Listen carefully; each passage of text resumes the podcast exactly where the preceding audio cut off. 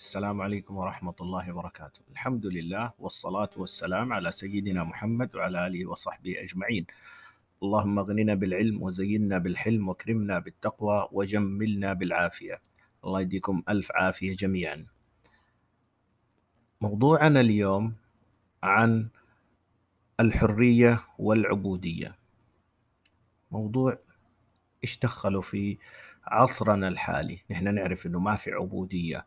نعرف إنه كل الناس أحرار. أصلا لو جيت سألت إنسان أنت عبد ولا حر ممكن يزعل ومو يمكن هو حيتضايق وحيزعل يقول لك أنا حر أو أنا حرة. ولد أو بنت أو رجل أو مرأة ايا كان ما في أحد حيرضى على نفسه العبودية. إلا باستثناء واحد. إذا نحن ربطنا هذه العبودية بالخالق الله سبحانه وتعالى. عبوديتنا للخالق تخلينا نتراجع عن هذه الأنفة عن هذه العزة بالنفس والنظر إلى النفس باعتزاز كبير وبنظر آه، يعني زي ما يقولوا نحن متكئين على شهاداتنا على فلوسنا على نسبنا على حاجات كثيرة. فالعبودية الحقة لله سبحانه وتعالى. إيش تأثر على الإنسان؟ إذا الإنسان استشعر هذه العبودية في كل لحظة وفي كل وقت وفي كل حين حيبدأ ملتزم حيبدأ إنه هو حينظر إلى السيد اللي هو الله سبحانه وتعالى عبد وسيد. أنا كعبد لله سبحانه وتعالى أكون مطيع أخاف من مولاي إنه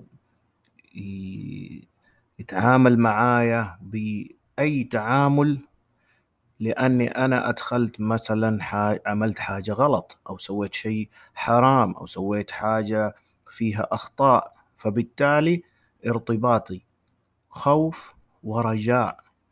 أنا عارف إنه هذا المولى واللي أنا عبد لي هو رحيم هو غفور هو بيتغاضى عن أخطائي. بيتوب عني بيسامحني. إذا هنا في رجاء وخوفي إني أنا أسوي حاجة تغضب الله سبحانه وتعالى تغضب مولاي. فيكون الإنسان بين هذه الحاجتين دائما الخوف والرجاء. خوفك من الله ورجاءك إن الله سبحانه وتعالى يغفر لك. فيكون في توازن كأنه طير بيطير في جناحين عنده.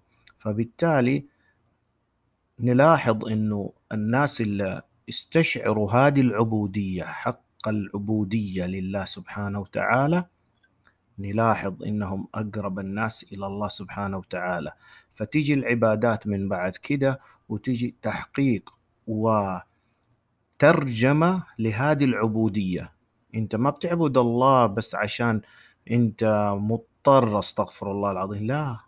ولا إنه هو مالك طريق. لا هي مو بس كده الفكرة. الفكرة إنك أنت تعبد الله حق عبادتي لأنه الله سبحانه وتعالى أمرك بالعبادة. هو سيدك وهو مولاك وهو اللي أوجدك وهو الخالق وهو البارئ وهو المصور. ولله الأسماء الحسنى. فتكون تستشعر في كل لحظة وفي كل وقت إنه أنا أمام خالق عظيم رحيم غفور جبار منتقم.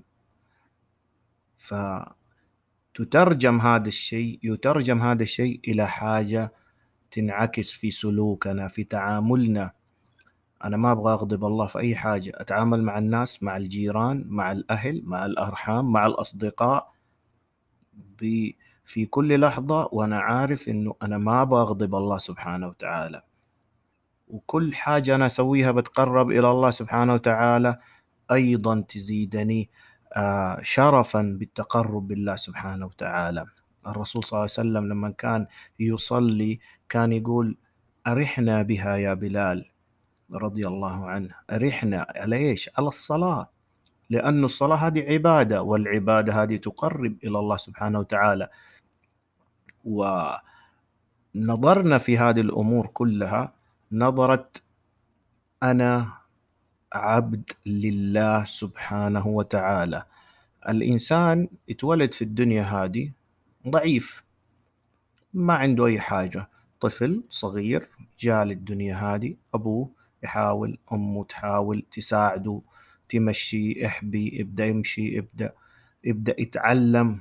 ف سبحان الله بعد فترة يبدأ يتعلم الإدراك يبدأ يتعلم الوعي. طيب مين علمه هذا الإدراك؟ مين علمه هذا الوعي؟ مين علمه هذه الأمور الح... الحاجات اللي موجودة في حياته؟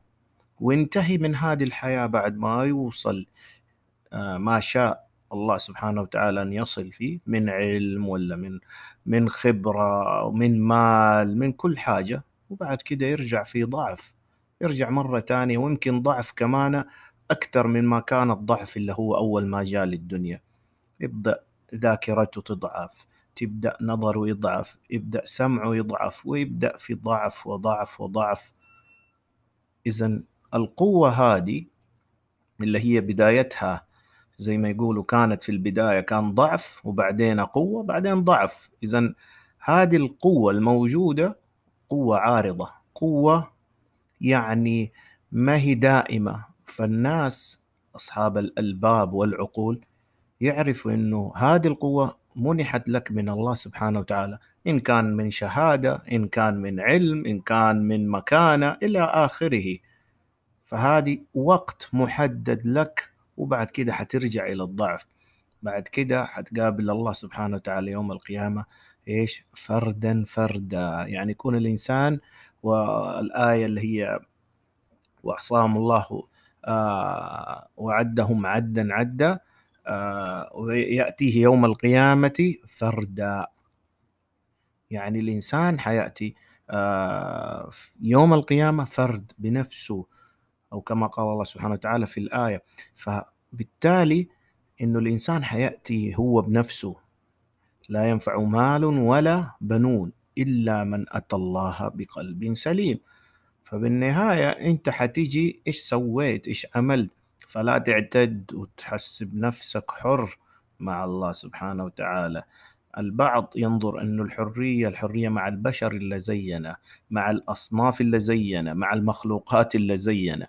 لكن الخالق نحن ما نتعامل معه إلا نحن عبيد لله سبحانه وتعالى.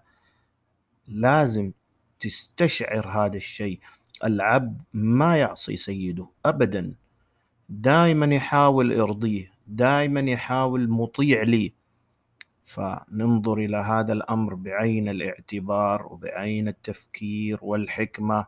وما نعيش بس كده في الدنيا هذه إنه آه، نعتد بالحاجة اللي عندنا الآن من زي ما قلنا من أي شيء موجود. فقوة بينها ضعفين بداية ونهاية. فلا لا تعول عليها كثير عول على الله سبحانه وتعالى. والرسول صلى الله عليه وسلم علمنا وبين لنا ووضح لنا ديننا.